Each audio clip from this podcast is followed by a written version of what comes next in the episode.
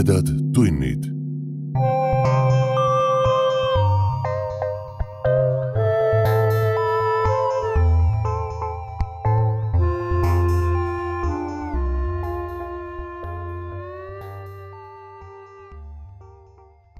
tere, hea ulmesõber.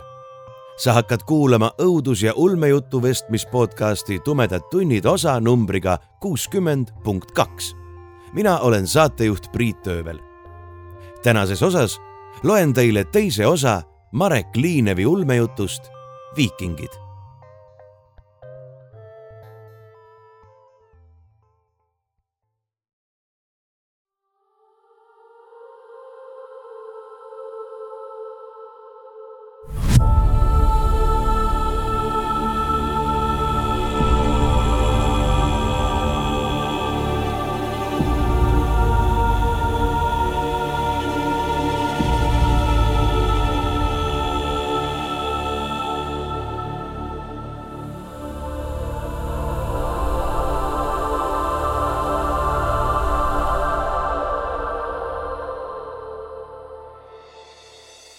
nagu kätega siledaks voolitud kaile oli kogunenud rühm inimesi, keda Vikide lähenemine, nagu Harald oli oma kihutuskõnes maininud, ei paistnud põrmugi kohutavat. sarnaselt sõgedatele noorukitele lumivalges paadis lehvitasid nad Vikidele, hõikusid sõnu, millel polnud ähvardavat ega isegi mõnitavat tooni. paar meest tõstsid oma väikesed lapsed endale õlgadele et nad saaksid takistamatult üle eesseisjate peade näha. Vikide täiendavaks üllatuseks kandsid nii mehed kui naised pükse, näides võrdsetena. Nad on lubanud eitadel kanda mehe hõlste, praalis Gustav isekas ja tema tammise ja rabeda hääle kõla kutsus kaini ulatudes võrdväärselt nii meestes kui naistes esile imetlusümina Nad isegi sarnanevad eitedele. Vikide üheaegne naerulagin nakkas ka ootajaid, keda ei paistnud sugugi häirivat naljad, mis olid nende pilamiseks suunatud. tavaliselt panustame me oma rüüsteretkedel kiirusele ja ootamatusele, nagu pistrik jahib jänest. kogus Harald mehed enda ümber kokku. sest jänes tunneb pistrikku ja tema jahikombeid aga seekord paistab meil tegemist hoopis uudse jänesekarjaga, kelle peade kohal on taevas röövlindudest puhas. hirm on selle karja jaoks võõras ja see teeb teda pimedaks. meie saame kui nähtamatud varjud nende keskel kõndida ja noppida endale kõige rasvasemad palad. kindlasti on kõige suuremad rikkused kusagile sügavale linna südamesse peidetud. me peame olema kannatlikud näima ohutud, hindama nende kaitsevõimet. alles siis, kui saabub õige hetk, võtame selle, mis meile kuulub ja taandume kiirelt veele tagasi, võib-olla isegi uduvarju. meeste kilevil pilkudest suutis Knut kohe järeldada, et neid oli raske kannatlikkusele sundida. saagi iha ähmastas nende mõtteid ja selles linnas tõotas jätkuda rikkalikku saaki sadade vikipõlvede jaoks. Knut tahtis sekkuda ja meenutada neile vanasõna, et isegi nurka aetud hiir võib küünet kasvatada. samuti soovis ta jagada vikidega oma teadmisi nutikast sõjapidamisest, mida oli talle kirjasõna vahendusel õpetanud Aleksander Suur ja Julius Caesar. kuid ta ei suutnud oma jalgugi juhtida häälepaeltest rääkimata. kuigi ta sai Haraldi mõttetööst ja agarusest aru, mis arvestas kaitserajatiste ja käsirelvade puudumisega, tundus sõjapealiku plaan talle meeletu, nagu pea lõvilõugade vahele pistmine. ta jälgis elevile aetud linnainimesi, kes uudistasid kõrgelt kailt nende lohelaeva, osutasid näpuga selle vööri peale ja vadistasid isekeskis lummatult midagi. ta silmas kaugemal kai ääres teisigi lumivalgeid paate loksumas ja ükski neist ei sarnanenud Vikide laevaga, mis oli erinevalt neist sõjapidamiseks ja rüüstamiseks loodud. ometi võis selliste nobedate alustega vikide laeva müksata, nende aere pooleks sõita, nende tüüraeru purustada, jäädes samas kättesaamatuks vikide viskerelvadele, mida üks ettenägelik sõdalane heidab vaid kindluse puhul, et ta oma sihtmärki ka tabab olles just näinud, milleks oli võimeline üks armetu välimusega paadike, ei kahelnud Gnud, et see võis rünnata endast suuremat ja kohmakamat vastast kui tabamatu herilane. ehk ei näinud linnarahvas vikkides ohtu seepärast, et nende valduses oli palju võimsamaid relvi, millega ei suutnud võistelda isegi vikkide vaprus mõistes, et isegi Harald ei suudaks manitseda oma mehi kuulekusele, kui nende ees kilab kenitlev hiilgus, sundis ta end vagusi. lohelaeva pardakilbid puudutasid krigisedes kivist kaimüüri ja keegi viskas välja ankruköie, mille otsa üks linnaelanikest lahkelt vastu võttis ja kuulekalt nende eest massiivse posti ümber kinnitas Nad aitavad end ise paljaks röövida. prõõkas Eerik Vihane meeldivalt üllatunud ilmega. jätkem kilbid maha. oli erakordne maabuda võõrale rannikule ilma kaitsvate kilpideta. Kuid ilmselt üritas Harald sisendada meestele enesekindlust, et neil ei ole vastupanu oodata. vastupidiselt Knuti ootustele ei põhjustanud märkimisväärne muutus Vikide harjumuspärases strateegias vähimatki nurinat. pealiku usk nende üleolekusse vaid kinnitas meeste usaldust Haraldi juhtimisvõimetesse. Ilma täiendavate korraldusteta valgus sõjasalk maale, mõõgad tupes ja kirved vöö vahel, kilbid endises kohas reelingu küljes. Neid tiheda rühmana ümbritsevad elanikud tõmbusid uudishimulikult lähemale, üritades neid isegi katsuda. vaid karukasvu Leifist hoiti vaguralt eemale, sest ta puuris oma ainsa silmaga ähvardavalt igaüht, kes julges talle külje alla ronida. erilist huvi valmistasid vikide relvad, mis kinnitas sõjarditele, et need olid siin mail tundmatud Harald tõukas tõrksate jalgadega Knuti teistele järele. nii et too maandus neljakäpukil sadamakaile. keegi haaras tal kui kassipojal kratist kinni ja tõstis üleüldise naerulagina saatel jalgadele. Armetus olekus Knut märkas silmanurgast paari naist, kes hoidsid enda silme ees peopesa suuruseid karbikesi, mille sarnastest armastasid Bütsantsi jõukamad ja edevamad naised ja mehed oma silmnägu imetleda. kodukülas asendasid neid imevigureid peegeldavad metallpinnad ja kaugelt maalt kalli raha eest toodud klaasikillud, mis olevat kitailaste leiutis. Need naised ei suutnud pisikestelt karbikestelt oma silmi lahutada, kuigi näisid suurepäraselt ümbruskonda tajuvat otsekui oleksidki kasutanud nad veidraid vahendeid nägemiseks. linnaelanikud tõmbusid nende teelt aupaklikult eemale, hõikudes midagi oma kummalises keeles ja suunates nende poole oma imetabaseid nägemiskarpe. Knut ripendas takutuustina oma talutaja käe otsas. Knut tundis temas ära Ingvari, kellega ta oli kord lapsena kodukülas mänginud nüüd oli Ingvar temast igas mõõtmes üle. mida nad räägivad? küsis Ingvar peaga elanike poole noogates. lähedamal sammuvad mehed jäid tema vastust ootama. see on minu jaoks tundmatu keel, pomises Knut vabandavalt. ta kartis kangesti, et teda võidakse hüljata nagu kilpegi nende kasutuse pärast milleks ikka tassida rasket ja ebamugavat tähetarka kaasas, kui tollest midagi kasu ei tule. see meenutab anglite või sakside murrakut.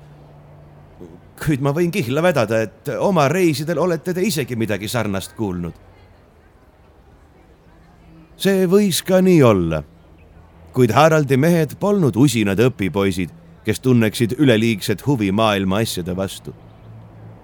teiste rahvastega suhtlemisel oli nende tähelepanu suunatud vaid kirkale, kallile ja teisaldatavale, mis muudaks nende elu pisutki mugavamaks ja luksuslikumaks ja teeks nad teiste ees tähtsamaks. ära muretse, põdrapoeg, ütles Knutile tema lapsepõlvesõber Ingvar. täna teed sa ühe päevaga tasa selle, mille raiskasid aastatega Milgradi läppunud katakombides kirjatarkust õppides. täna saad sa oma silmadega nägema, mida teeb vahe tera kokkupõrkes inimihuga. täna saad sa tundma halastamatu terase võimu siin maailmas täna kaotad sa oma süütuse. täna saab sinust mees. Neid tihedas salgas ümbritsevad mehed naersid mürinal, nagu oleksid Ingvari sõnad üksnes tögamiseks mõeldud. ainuüksi mõte Ingvari sõnade tähenduse peale keeras Knuti sisikonna sõlme. kellegi küünarnukk torkas talle selgroogu ja sundis teda kiiremale kõnnakule ta oleks kaotanud äärepealt tasakaalu, kuid suutis eeskõndija selja vastu põrkudes jalgadele jääda. Ta tundis end kui lammast, keda talutatakse koos mõistuseta karjaga tapalavale. Nad marssisid kiiresti, kaugenedes turvalisest kaist ja laevast. teekond kulges siledal teel, mille sarnast polnud Knut isegi Miklagardis kohanud Rooma teemeistrite iidsed oskused olid siin täiuslikkuseni lihvitud, nagu ka teekate, mis kergendas jalavaeva. Kui nad olid möödunud tasaseks pügatud murukamaraga kaetud pargilapikesest, peatuti järsult. Gnut küünitas üle meeste õlgade vaatama, mis oli peatuse ja üllatushüüatuste põhjuseks. verejanust sõge sõjasalk oli sunnitud teed andma ennenägematule sõidukaarikule, mis liikus peaaegu hääletult, ilma igasuguse nähtava jõuta, nagu lainete vahel kohatud paadikegi. See veeres küll nelja võimsa ratta abil, sarnanedes Gnuti maailmas kasutatud vankritele ja kaarikutele, kuid selle eesotsas puudusid poni, muula või eesli rakendid, mis oleksid võinud sõiduriista edasi vedada näis nagu liigutaks seda edasi nähtamatu võluvägi, mis podises kusagil kaariku sees ja haises kirbelt. läbi aknamulkude paistsid imelike kaarikute reisijad, ilmselt perekond koos lastega. tooge nooruke Elkson esile. kostis eestpoolt Haraldi kõue hääl ja Knut tõugati rohmakalt salga etteotsa kus talle avanes piiramata vaade ees kõrguvatele majadele ja nende vahel liikuvatele elanikele ja nende imevägistele sõiduriistadele. Ta oli õppinud mõistma kristlaste levitatud usuvoolu edu põhjuseid, mis laoti hunnitute telliskivi kuhjadena kõrgetesse pühakodadesse, muutmaks inimlooma nende kõrval tühiseks nääpsukeseks. taevasse küünitlevad kirikuhooned sisendasid tahtmatult hardust igaühes, kellele tohutud kivimajad sümboliseerisid kristlikku jumalaväge. kuid isegi Miklagardi võimsaim jumalakoda, Aia Sofia, oma valge ja kollase marmori ning rohelise serpentiiniga, ei suutnud võistelda nende õhuliste ja peegelduvast klaasist rajatistega, mida tundus isegi patt majadeks nimetada. tähetark ütles Harald Knutile. nüüd on aeg oma teadmisi jagada. milleks muidu ma sind siia kaasa tassisin? Vanade vikide pärimused räägivad üheksast maailmast. ütle nüüd mulle, millises neist me parasjagu viibime? krekkide mõttetark rääkis kunagi võimsast Atlantikosest, mis uppus ilmselt samal ajal veepõhja mil meie jumalad katsid elus maailma võimult kukutatud hiiglaste verega. puristas Knut ette esimese uitmõtte, mis talle meeleheites pähe kargas. räägitakse, et see linn on senimaani alles pääsenud uputusest, kuid kadunud jäljetult. on täiesti võimalik, et seesugune võiks varjata end udu sees, mis meie kodurannale külge kleepis. seega polnud udu näol tegu ristijumala vandega paganatest vikide vastu, nagu sa meile oma elu hinnaga üritasid selgeks teha viimanegi jaks lahkus Knuti ihuliikmetest ja teda oli tarvis toetada. tema kõhetus kehas kaalusid ilmselt kõige rohkem pähe kogutud vaimuteadmised ja tema püsti hoidmine ei valmistanud ühelegi vikile raskusi. sinu kasutu olek pole veel pärale saabunud, ütles Harald tema kustuvat meelemõistust kuklamüksuga äratades ükski mees pole isegi Valhallast tagasi pöördunud, et elavatele oma kogemustest pajatada. leidis Knut korraga kusagilt vajaliku julguse enda teadmatuse vabanduseks. kust võin siis teada mina, kas ei ole me korraga sattunud surnute kojasse? sest see siin ei sarnane mitte üks raas surelike inimeste maailmale, millest mina olen teadlik vahepealsel ajal oli ristteele kogunenud juba mitu imekaarikut, millest pudenesid reisijad välja ja kogunesid vikide ümber kui ööliblikad tõrvikuvalguse peale. kõik nad nägid välja tavaliste inimestena. kuid kas mitte kristlaste pühakiri ei öelnud, et Jumal lõi inimesed oma näo järgi? ja kas mitte Põhjalagi vanad müüdid ei rääkinud inimnäolistest jumalatest kellel olid kõik inimlikud pahed ja voorused ning kes olid sama surelikud. Knut oleks võinud sama hästi tunnistada, et nad võisid viibida nii maa peal inimeste keskel kui taevas jumalate seas.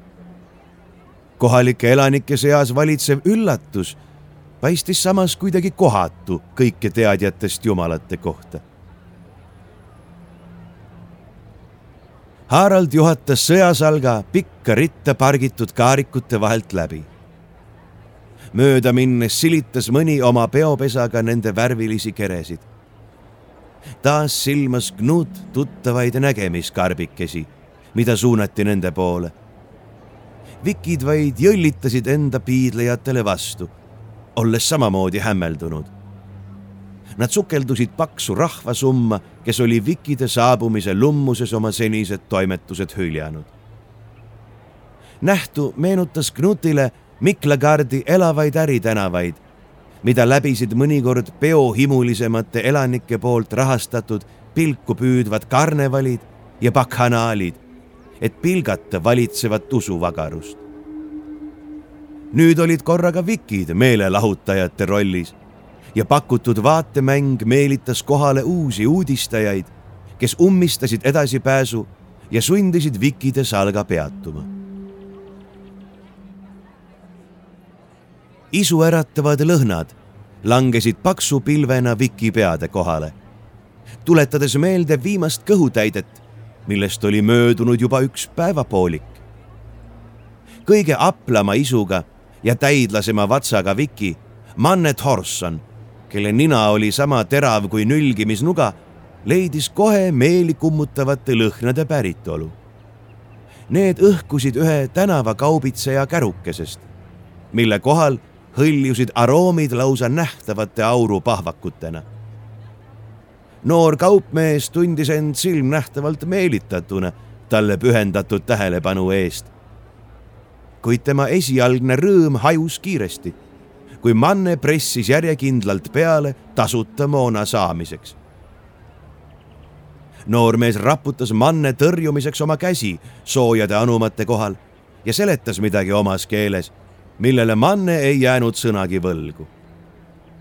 kaaslaste lõbustuseks üritas Manne järgida Haraldi käsku varjata oma verejanulisust ja samaaegselt kuuletuda oma korisevale kõhule sisemine võitlus lojaalsuse ja nälja vahel muutis ta vihaseks. ja Knut oli juba kindel, et kõhukas Viki pruugib oma tahtmise saamiseks suu asemel relva. juhtus aga vastupidine. teineteisega arusaamatus keeles praalimine muutis vaatemängu pealtnägijate jaoks veelgi naljakamaks. Vikide ja kohalike ühine naer sulatas ilmselt jää kontvõõraste ja linnaelanike vahel ning muutis viimased lahkemaks. ei kulunud kaua, kui rahva seast astus välja laitmatu rõiva järgi otsustades nooblite klassi kuuluv mees ja ulatas toidukaupmehele määrdunud paberilipaka, mis vaigistas hetkega vaidluse. Manne ülimaks rahulduseks avas leebunud kaupmees oma toidukasti ja vormis kärmete liigutustega midagi otse tema silme ees üheks tervikuks ja ulatas kärsitule mannele. see oli keeratud lumivalge paberi sisse, mis Knuti kui kirjaoskaja meelest pidi suurepäraselt sobima surematute ürikute loomiseks. vaata, tähetark, hüüdis Manne Knutile. siin osatakse isegi kirjapaberist süüa valmistada. Kui sa selle oskuse ära õpiksid, oleks sinust palju rohkem kasu. seda öelnud, pistis ta kogu roa ühes tükis suhu ja mälus punnis põskselt. kõik jäid pingsalt tema muljeid ootama Mannet oli nimelt tabanud omalaadne needus. teda isutas küll igasuguste roogade järele, mis oli valmistatud maakamaral kõndivatest lojustest, veepinna all ujuvatest elukatest ja maamullast sirguvatest väetidest, kuid tal polnud sobivaid vahendeid nende nautimiseks.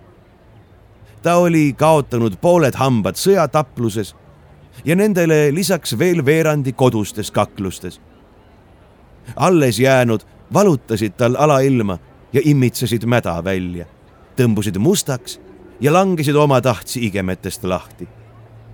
Nagu vana ätt pidi ta leppima vedela lobiga või laste poolt pehmeks nätsutatud lihaga, mida ta valuliselt tervete tükkidena alla neelas.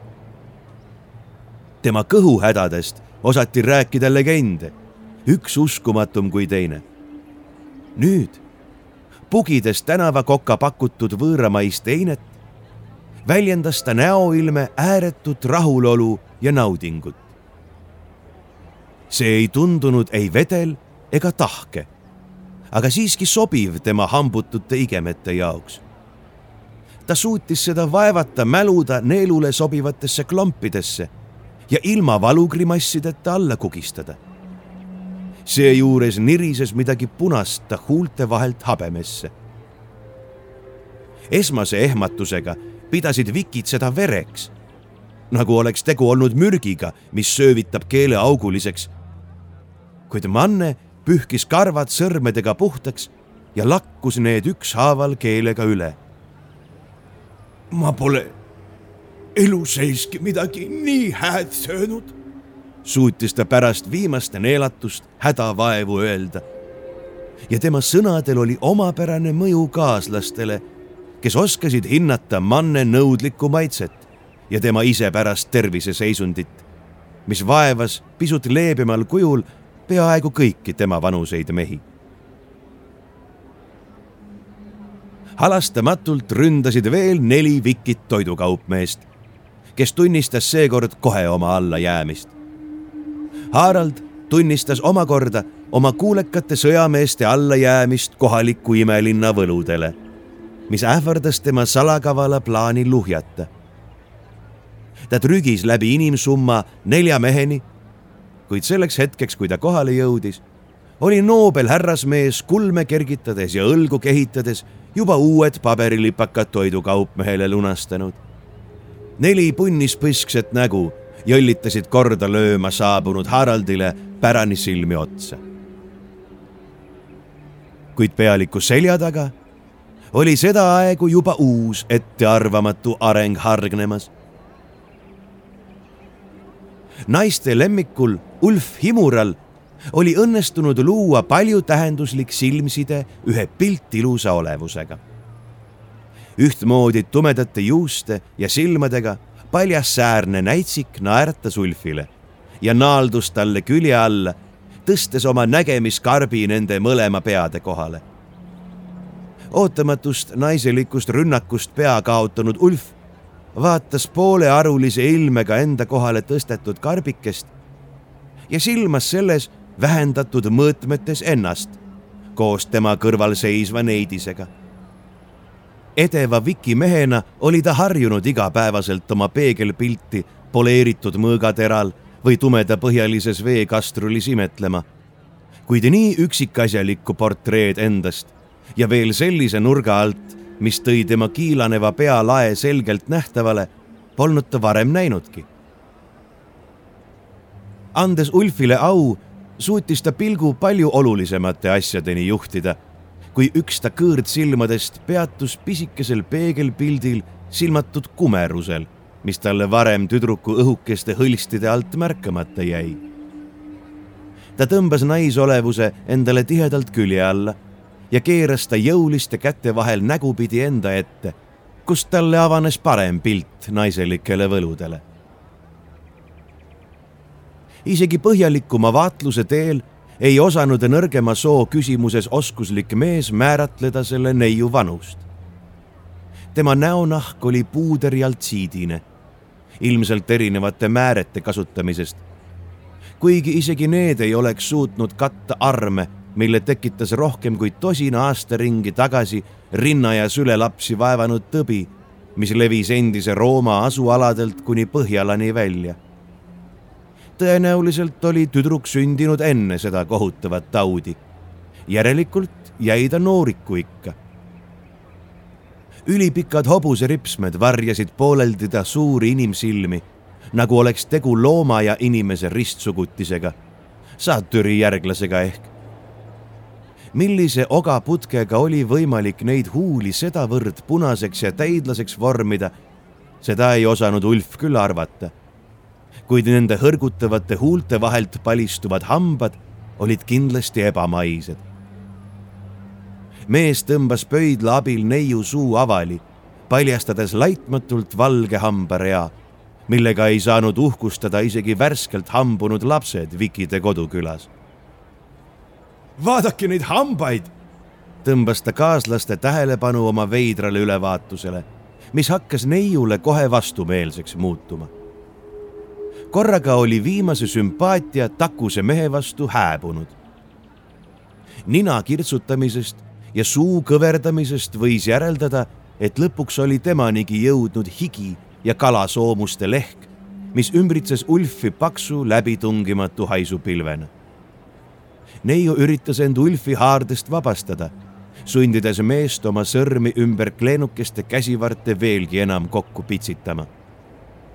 ahistatud tüdruk rabeles, kuid see tegi tema olukorra veelgi hullemaks. Ulf Himur käitus meelisklevalt vaid tema suhtes sõbralike naisterahvastega. ta polnud kunagi talitsenud oma jõudu, kui seda läks tarvis naiste alistamisel mees rebiski koheva juuksepahvaka oma kämmalde vahele ja tõmbas neiu pea rohmaka liigutusega kuklasse, sundides teda valulikku ja ebamugavasse asendisse ning murdes vähesegi vastupanuvõime. see ei meeldinud linnarahvale põrmugi, kuid peale sumbuva halvakspanu mõmina ei astunud keegi abitu naisterahva kaitseks välja. vikid vaatasid ootusärevalt enda ümber ringi millal ometi ilmub välja mõõgakangelane, kes päästab hädas neidise au ja saab Vikide esimeseks tapaohvriks. loomulikult ei saabunud kedagi, nagu see oli alati juhtunud.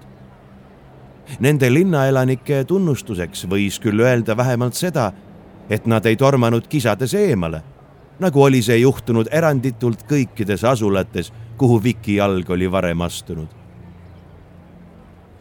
elanike abitus vaid kinnitas Haraldi sõnu, et nende näol on tegu hellikutega, kes ei tõsta sõrmegi enda ja teiste kaitsmiseks.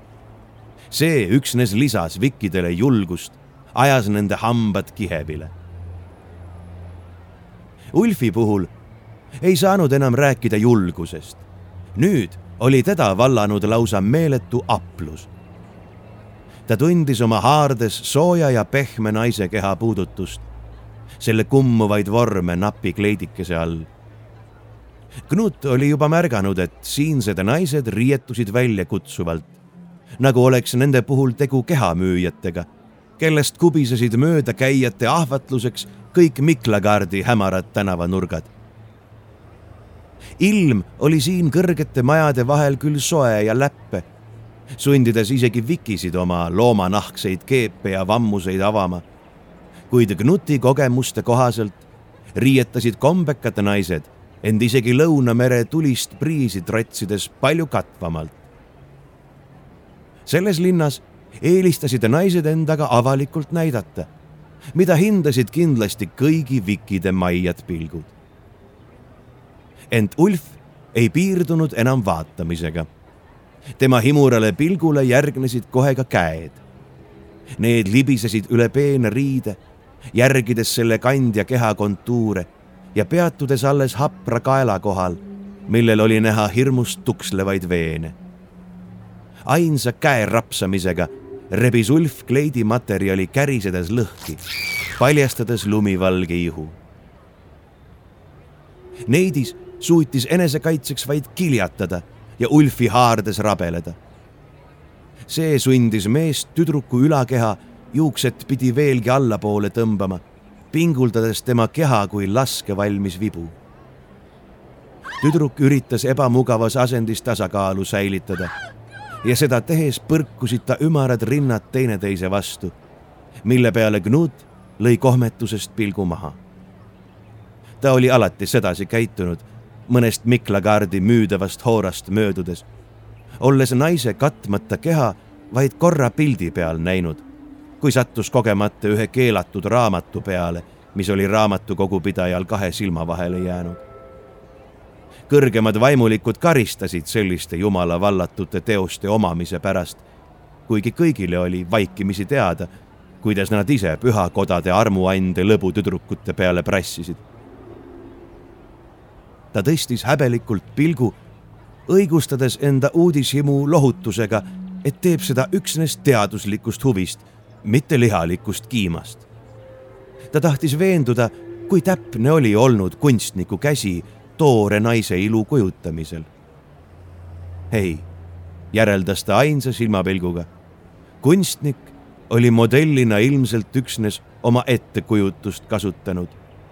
midagi nii imetabast polnud lihtsalt võimalik inimkätega kopeerida. neiu nahk oli valge kui värskelt lüpstud piim. järelikult võis ta end päevade viisi varjulistes lossiruumides kõrvetava päikese eest kaitsta, mõtlemata hetkegi raskele tööle, mis lageda taeva all rühkides kündis kehale sügavad ja kuivetunud vaod ning kattis naha jumeka varjundiga. ta käsivarred olid piitspeenikesed, peaaegu murdumisvalmis ja tema jaoks oli võõras see koorem, mida tema vanused olid Knuti kodukülas juba lapsepõlvest saati oma peret aidates kandnud. Neidis pidi pärinema ülikute soost. kuid Knut teadis, et sellisele järeldusele jõudis ta vaid enda kohatud inimesi võrdlusmaterjalina kasutades. see linn siin oli hoopistükkis teisest puust, kusagil jumalate ja inimeste asualade vahepealt siin paistsid kõik ülikute soost olevat. Ulf vaatles oma ohvrit seevastu kõigest muust kui teaduslikust huvist. suurest erutusest hakkas tal lausa ila tilkuma. see valgus pika katkematu nirena otse tütarlapse katmata rindadele, mis kummusid ahvatlevalt vana kiimaroti silmade ees. mehed, te vaadake neid priskeid udaraid hüüatas ta äkilise avastamisrõõmu võimuses ja lühisilmse ruudi ahastuseks. Ulf liigutas oma harali sõrmedega kätt ümarate ja suurte rindade kohal, neid puutumata õhus silitades, nagu peljates neid oma karedate peopesadega katki teha.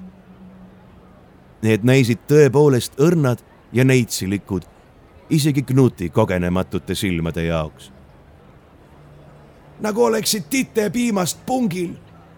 meie heided võivad sellistada uhkustada vaid õnnistatud olekus. muidu ripuvad need tühjalt ihu küljes nagu vaese mehe toidumärsid. võis eeldada, et sellise lummutise võimuses oli silmanägemine röövinud vikkidelt ka kõrvakuulmise.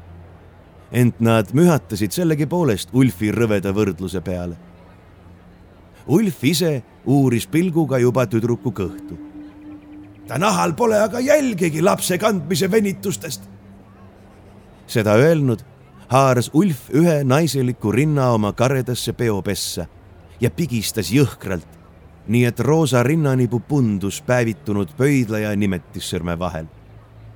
neiu kiljatas valust või alandusest, suutmata Ulfi kätega tõrjuda, sest klammerdus nendega juukseid sakutava kämbla külge.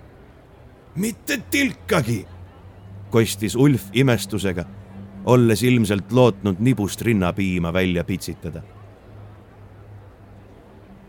neiu süütust kaitsesid veel vaid ilmpeene moega püksid, mille eest oleksid kindlasti kõik Miklagardi libud oma hinge müünud, suutes nende kandmise abil edukamalt meeskliente võluda. Nende valmistamiseks oli kulutatud vaid kahe paela jagu materjali ja võis vabalt öelda, et need paljastasid rohkemat kui varjasid ometi pidi Ulf oma kujutluspildi õigluses lähemalt veenduma, haakides sõrme õhulise püksivärvli vahele ja rebides selle ainsa tõmbega puruks. järgnev vaatepilt paisutas isegi palju näinud Vikide silmad imestusest suureks kui rattad. Knut oli veetnud tervelt kolm aastat ühes Miklagardi nurgakloostris kuhu jõukam linnarahvas pagendas ülekäte läinud ihuvilja, kes keeldus oma vanemate korraldustele allumast.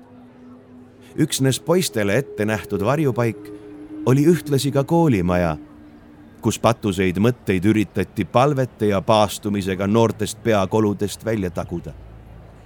vaatamata peale surutud vagurusele polnud Knut veel kusagil kohanud kõlvatumaid isikuid kui selles kloostris tegemist oli noorukitega, kes olid näinud ja teinud mitmeid kordi enam kui Knut oma elu jooksul. ja ta ammutas huviga nende pajatatud luiskelugusid, millel oli sageli pettuse ja liialduse maik juures.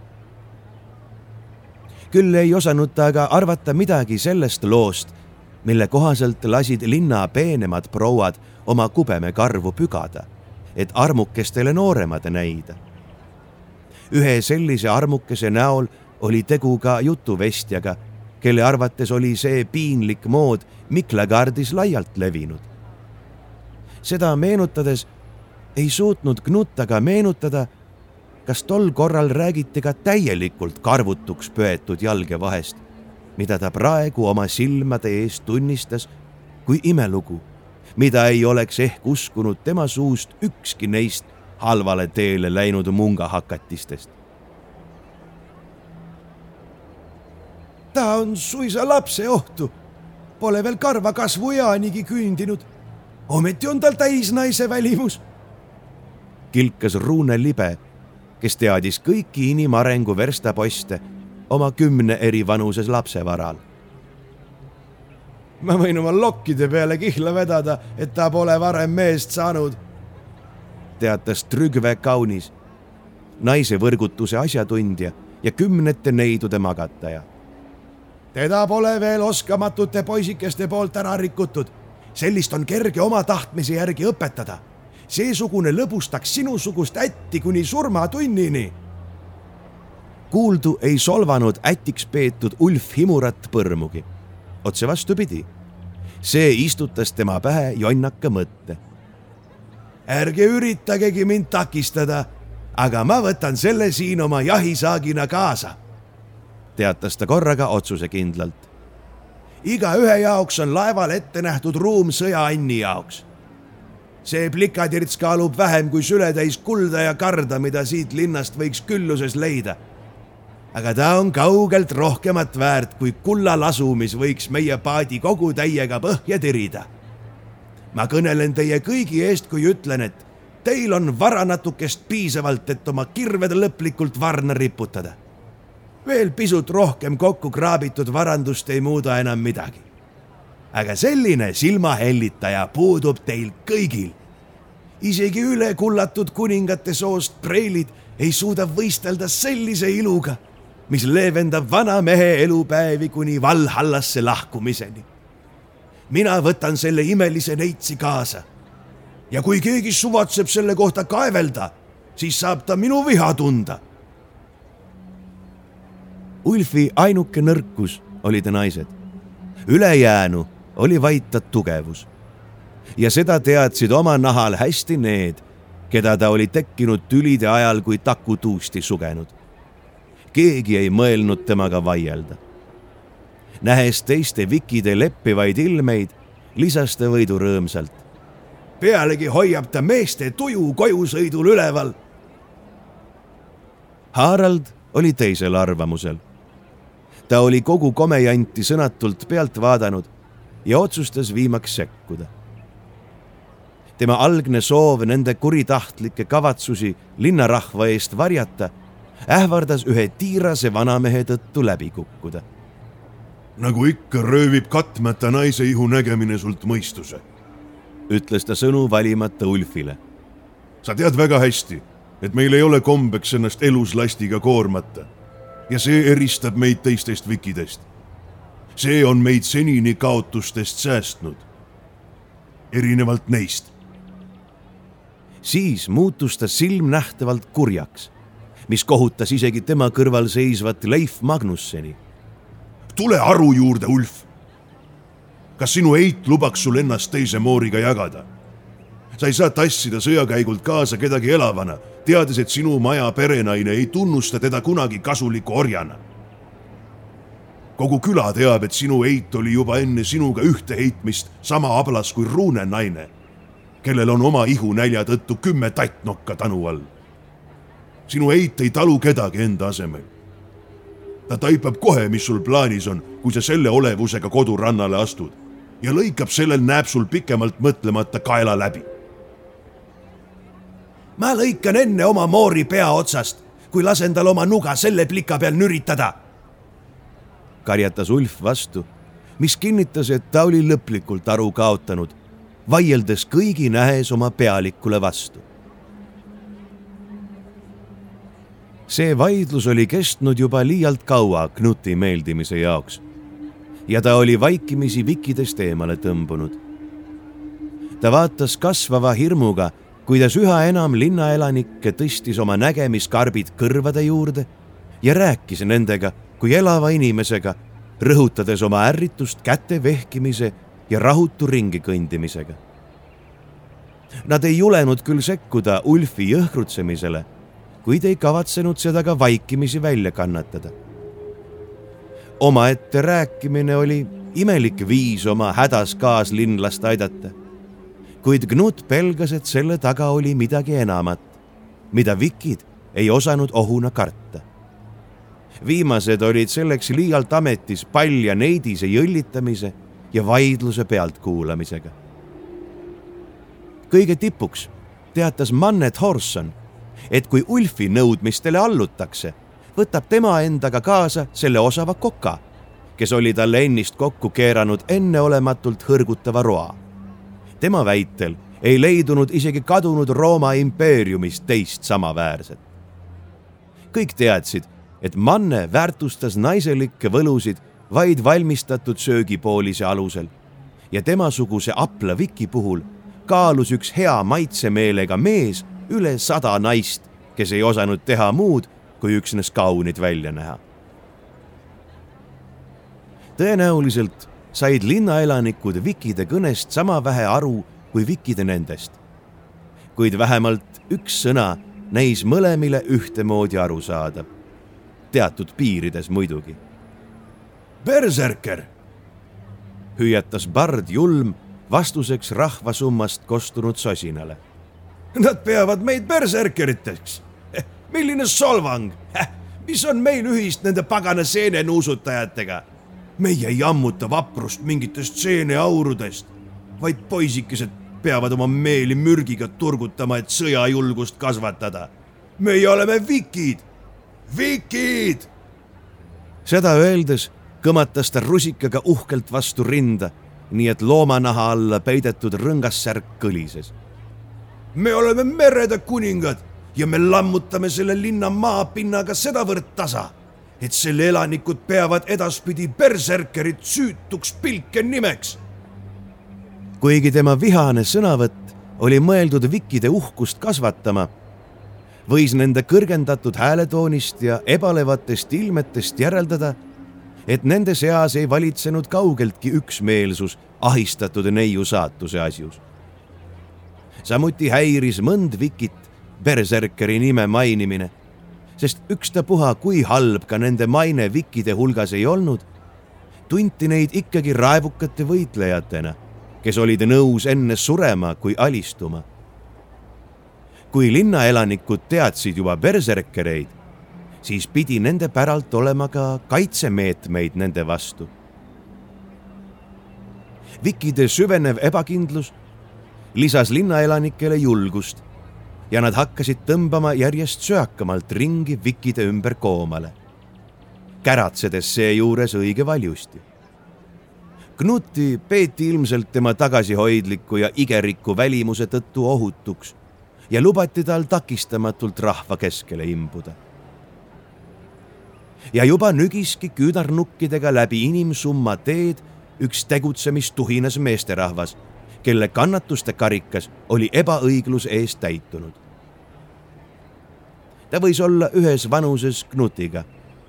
kuigi erinevalt kiilanevast Knutist kattis noormehe pealage paks juuksepahmakas ja ta riiete all paisusid võimsad lihased, mis oleksid tekitanud austust igaühes, kelle suunas ta oma vihase pilguga marssis. Ulf märkas teda vahetult enne seda, kui noormehe rusikas tema nina juure poole liikus. rusikas lajatas vastiku nätakaga vanemale mehele näkku, kuid ei suutnud teda pikali lüüa. Ulf vaid võpatas kergelt ja vastas oma vaba käega samaga, paisates ründaja meelemärkuseta siruli. Nende tšempioni langemine vallandas linnaelanikes paanika. Kui ehmunud linnuparv hakkas see karjudes laiali valguma, kukutades põgenejaid üksteise otsa pikali. kartes, et tema ihaldatud kokk võib teiste eeskujul plehku pista, rebis manne kehitul vennikesel kaelast kinni ja tiris ta enda külje alla.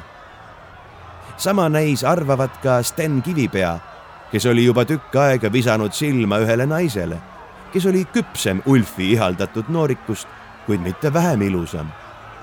kui rahvasumm nagu hääletu käsu peale laiali lagunes, hüppas ta naisele peale kui hirvejahti vilves ja surus ta enda all maad ligi, köites osava liigutusega tolle käed köiejupiga selja taha.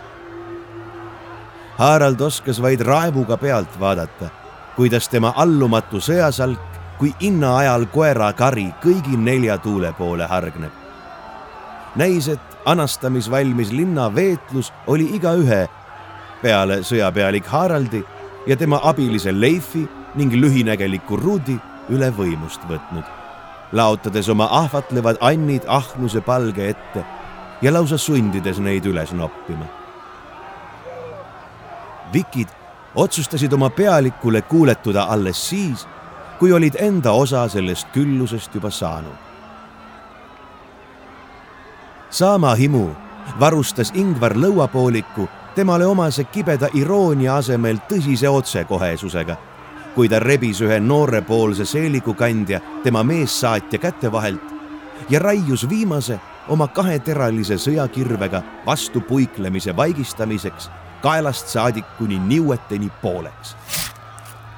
nähtud koledus murdis neidise ja ta kukkus meelekaotuses Ingvari ootavatele kätele vähene pingutus ei sundinud meest väärtustama kerget saaki ja ta tiris selle rohmakalt kättpidi enda järele Haraldi juurde, kes karjus oma hääle ära, kutsudes aplusest kurdistatud vikisid korrale. kõrgete majadega piiratud tänav kaikus vikkide sõjakarjetest, mis ennustasid sellele muinasjutulinnale haledat lõppu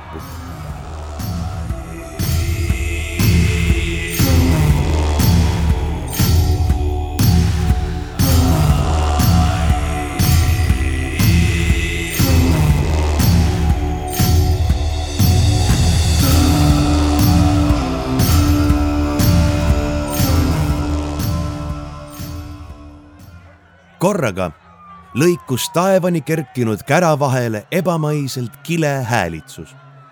otse kui meremehi keelitleva sireeni vile, mis vaigistas ka kõige karusemad häälepaelad.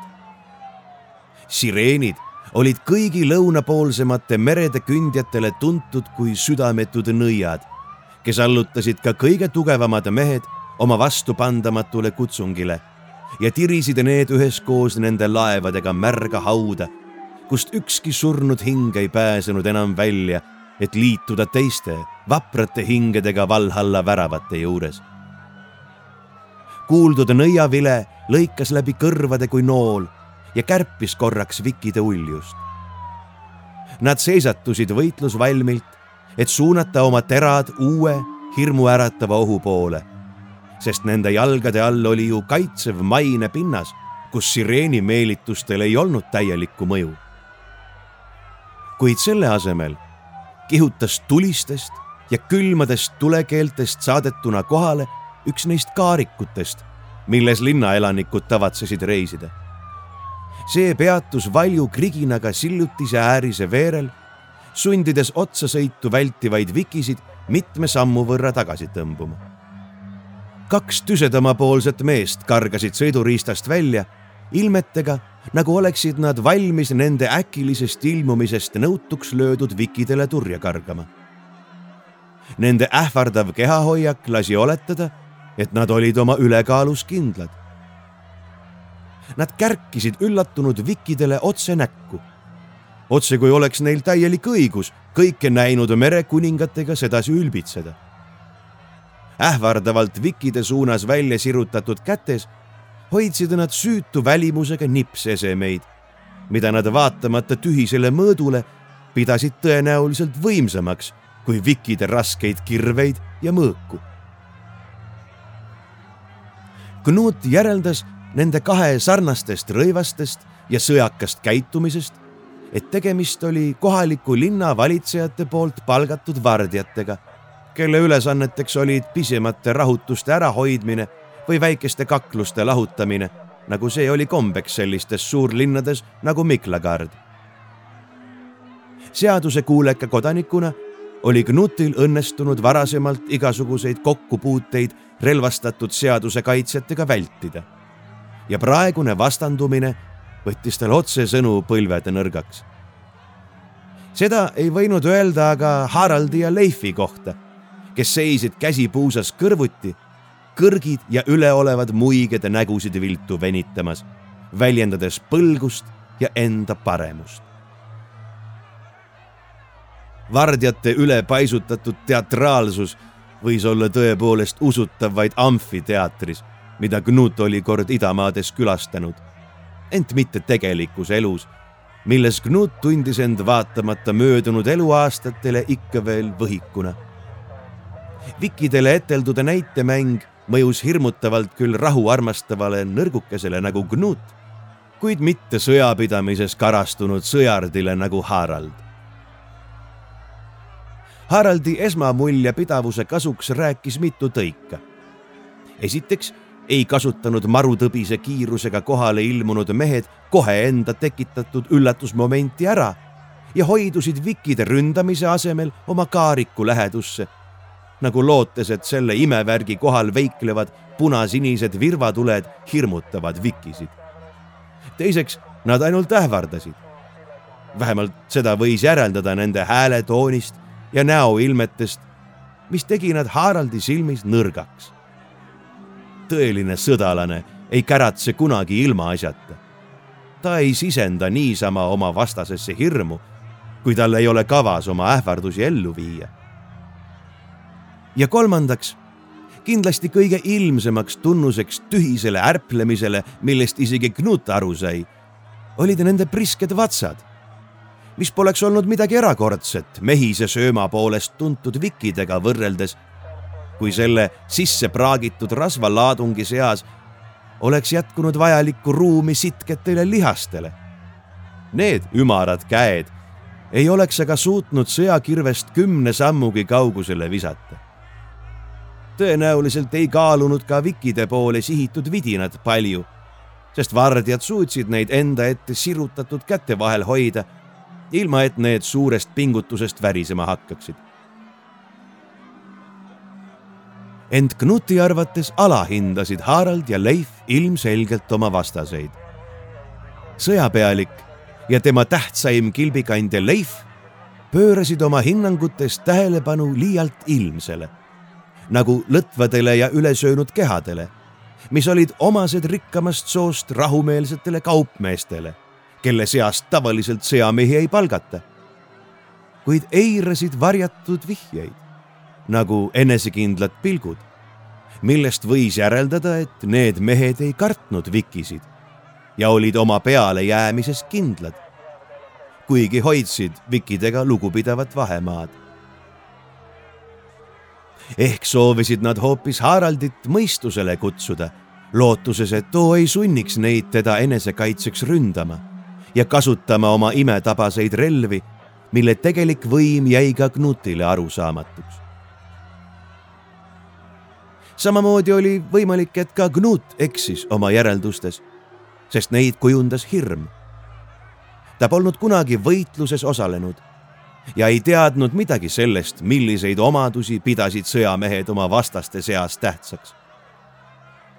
ometi teadis ka tema, et tõelist vastupanu linna kaitses omasid ikkagi vaid sõdurite kohordid, keda toodi suuremaid taplusi maha suruma.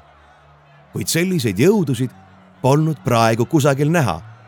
olid vaid kaks vatsakat meest kahekümne ühe täisrelvastuses sõjamehe vastu ehk mõtlesid linnaelanikud berserkerite all hoopis neid kehkenpükse, hüüatas Ulrik Tasane, osutades pika sõrmeküünega vastaste poole. seda tehes jäljendas ta üht korrakaitsjat, kes suunas tema poole oma maagiaga täidetud relva, mis nägigi välja nagu kuues üleliigne näpp. Need Praga maod ongi siis selle linna kaitsjad me oleksime võinud endi asemel hoopis oma Heidet siia röövima saata. selle märkuse peale naeris teistega kaasa isegi Leif Karutapja, kes mõtles ilmselt seepeale oma vastase julguse proovile panna, tirides oma kirvevarre vöö vahelt välja. aegamisi, et anda neile aega põgeneda. seda ei sündinud linnavardjad muutusid kirve nägemise peale veelgi häälekamaks ja närvilisemaks. Nad hoidsid oma võltssõrmi enda ja vikide vahel, uskudes, et nendest on võimsale tapakirvele väärilist vastast. Leif oligi ilmselt salamisi vastase jäärapäisusele lootnud. ta ainsas silmas oli märgata verejanu, mida koduküla piirav udu polnud lubanud tervete nädalate kaupa leevendada. ta purustas oma kirvega meeleldi inimeste päid ja lahutas neid kaelade küljest. tegevusetult käed rüpes istuda oli talle vastumeelne. Leif oli tegude mees, hirmsate tegude mees. mitte ilmaasjata ei kandnud ta Karutapja hüüdnime. ta tõstis kirve pea kohale ja esitas omapoolse nägemuse tõelisest sõjahüüjust, millele ei saanud linnavardjate kraaksumine näolegi. see kaikus tänaval kui isas karu raevumöire, mida ta oli kindlasti õppinud elukalt, kelle nahka ta kandis. sõjakarje ajas Knutile täiendava portsu hirmu naha vahele. sama ei saanud öelda aga nende kohta, kellele see tegelikult suunatud oli oodatud põgenemise asemel saabus hoopistükkis rünnak. ühe nende kahe trullaka mehikese sõrmede vahelt paiskus välja jäme ämbliku niit, mis kleepus Leifi karunahkse vammuse külge. ilmselt oli loomanahk liialt tummine, et habras niidike võinuks seda läbistades Leifi kehani jõuda hetkeks jäi Leif nõutult enda küljest tolgendavat ripatsit vahtima. Polnud kahtlustki, et sellesse asjandusse oli paras kogus nõidust või võlujõudu lisatud, kuid see ei toiminud Leifi peal. ka vardjate nägudel väljendus pettumus, kui Leif rapsas käe viipega endalt niidi otsa maha ja vaid naeris pilkavalt. nüüd oli selge, et linnakaitsjate imerelvad olid tema vastu võimetud ja ta hakkas uhkel sammul vastaste suunas sammuma, võttes jämedast kirvevarrest mõlema käega kinni. teised vikid olid kogunenud poolringi kujuliselt lühikest taplust pealt vaatama ja ergutasid oma relvavenda arglik Gnut oli juba ennatlikult taandunud teiste selgade taha ja kiibitses eesseisjate vahelt läbi. Ta pooleldi lootis, et see vahejuhtum linnavardjatega jahutab vikide tuliseid päid ja niudeid ning suunab nad lõpuks tagasi lohelaeva pardale, et siit linnast kaduda. samal hetkel plahvatas Knuti pea, nagu oleks välk temasse löönud ja ta kattis huugavad kõrvalestad peopesadega, tõmbudes kaitseasendis küüru. Samamoodi käitusid veel teisedki vikid. isegi Ulf vabastas kinni hoitud tütarlapse ja ei teinud ähmiga märkamagi, kuidas viimane kui pakku pääsenud sälg temast eemale jooksis, oma piinlikku alastust kätega varjates. ka Leif kangestus poolelt sammult kukutas raske sõjakirve sõrmede vahelt, langes põlvili ja seejärel näoli tänava sillutisele. aeg tardus Knuti jaoks ja ta suutis seletada iga üksiku viki näoilmet, mis püsisid ta ees kui kivisse raiutuna. puhas õudus oli neid vallanud. mees kellest ei käinud üle isegi täisealise karu ramm, langes kui nähtamatu surma poolt niidetud, ilma et vastane oleks teda puudutanudki. tema maas lebava keha ümber koguneva vereloigu järgi võis olla igaüks kindel, et Leifi kuulsusrikkad päevad olid tänasega loetud. ja selle surma oli külvanud tühine nõiakäpp, mis oli kõigi silme ees välku välja sülitanud. tundus väljakannatamatult ebaõiglane, et nii vapper ja võimas sõdalane, kes jäi jõukatsumises alla üksnes pealik Haraldile, langes väeti linnavardja käe läbi. meeste rivi läbis tasane sosistamine. see relv peab olema sepistatud samast terasest kui Tori vasargi, et lööb välke välja. iga sõduri jaoks saabub kord, kui ta kohtub väärilise vastasega. Harald oli sellist otsinud juba alates ajast, mil ta jõudis oma isa mõõga maast lahti tõsta. lugematud sõjamehed olid langenud seejärel tema juhitud terase läbi ta lõpetas nende üle arvepidamise siis, kui tema habe kasvas rinnani. ta oli alati kujutanud ette, et langeb käsivõitluses kolme või enama sõjaratsaniku või mäetrolli vastu ja kindlustab sellega auväärse pääsu Valhallasse kõige marulisemate vikide sekka. ja selle usu järgi ta oma elus juhinduski, ihaldades kuulsusrikast lõppu millest tema lapselapsed räägiksid lugusid omapoolsetele lastele. Need lood pidid hoidma elus tema pärandit inimeste maailmas. samas kui teispoolsuses tormab ta valküüride juhatusel viimsesse Ragnaröki lahingusse. teistsugune lõpp sellele loole oli vastuvõetamatu. niisamuti oli leppimatu ka oma lähedasema sõbra truu kilbikandja Leif Magnusseni kuulsusetu lõpp vääritu käe läbi. lahkunud sõbra au eest tuli kätte maksta. see oli sõdalase kohus. ja Harald hoidis igasuguseid aukohuseid oma südame lähedal. ta tõstis oma kaheteralise mõõga, mille oli sepistanud tema isa relvameister isiklikult ja astus vastu oma saatusele üksnes selleks, et oma langenud sõbra ja liitlase kombel välgust läbistatult maha variseda.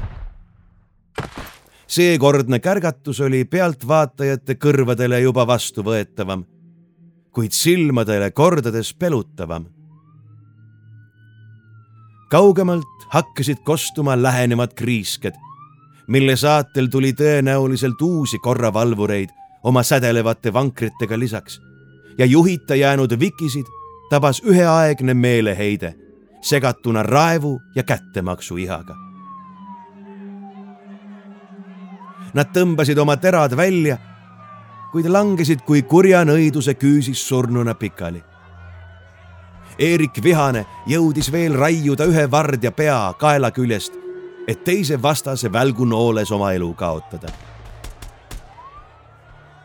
Knut teadis ainsa hetkega milline on ainuõige käitumine sellises olukorras, kust pääsevad vaid nobedad, kavalamad ja esimesed.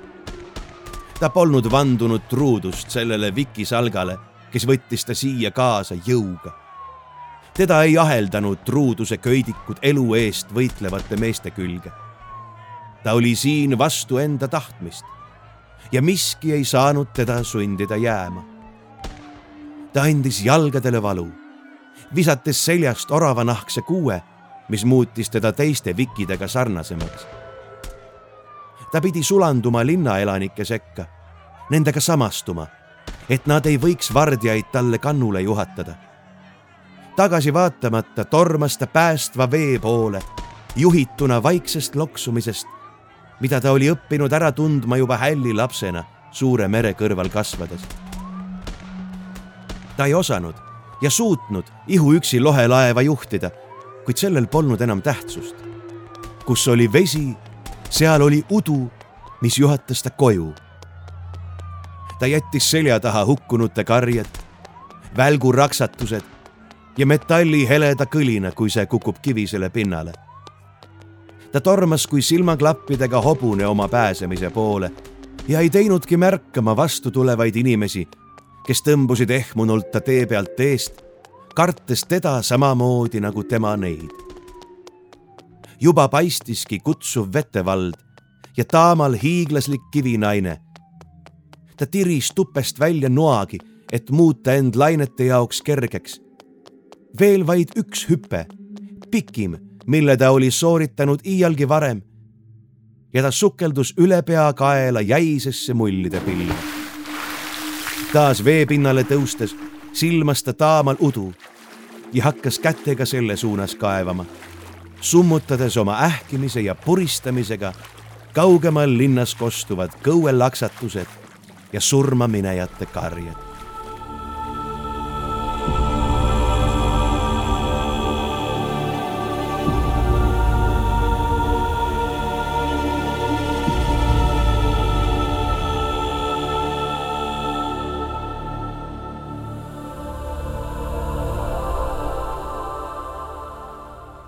Külarahva kannatus venis sõjameeste tagasituleku ootusest tavatult pikaks.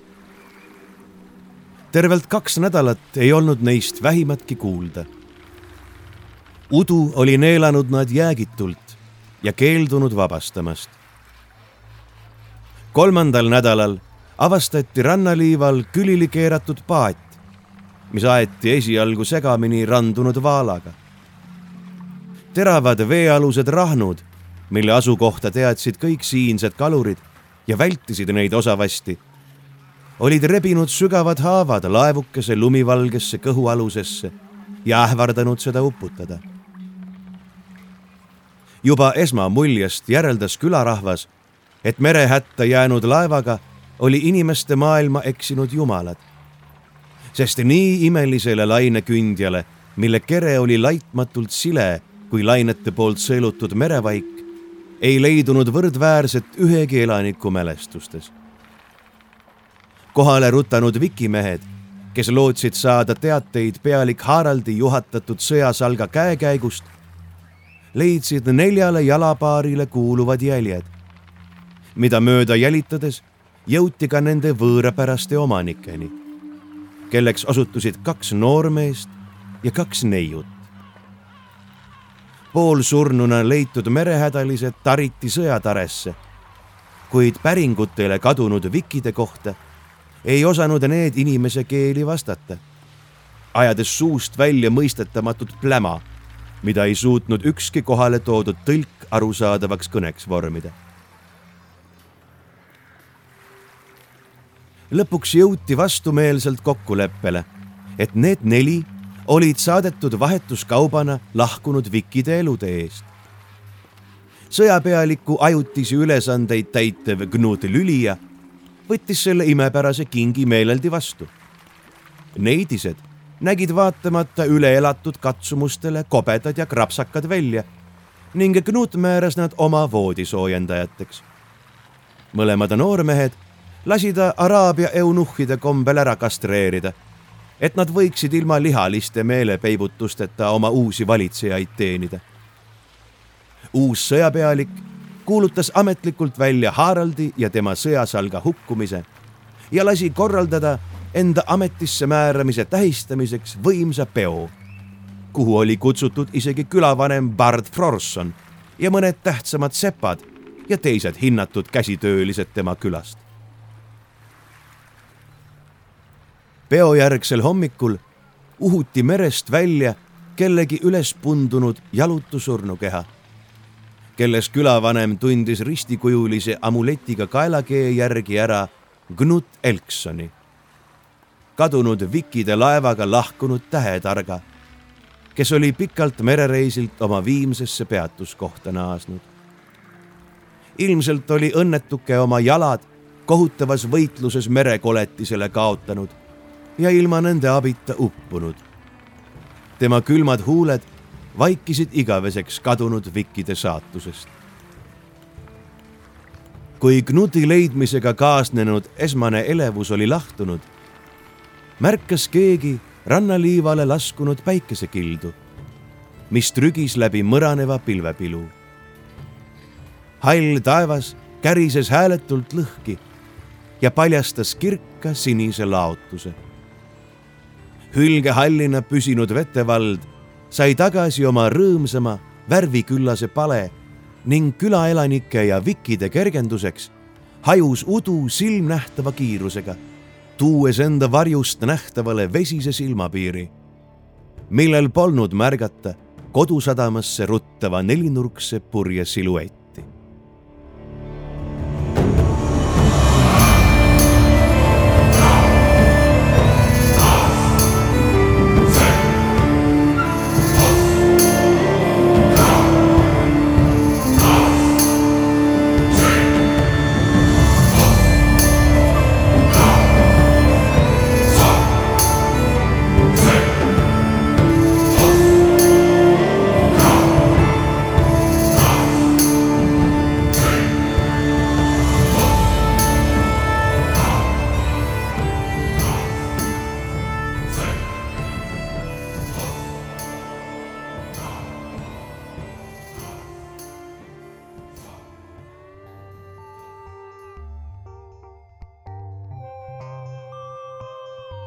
Te kuulsite Marek Liinevi ulmejuttu Viikingid. me kohtume teiega taas juba märtsis. seniks jagage meid ikka oma sõprade ja vaenlastega ning võimalusel hakake meid toetama leheküljel patreon.com kaldkriips tumedad tunnid. kõhedate kuulmisteni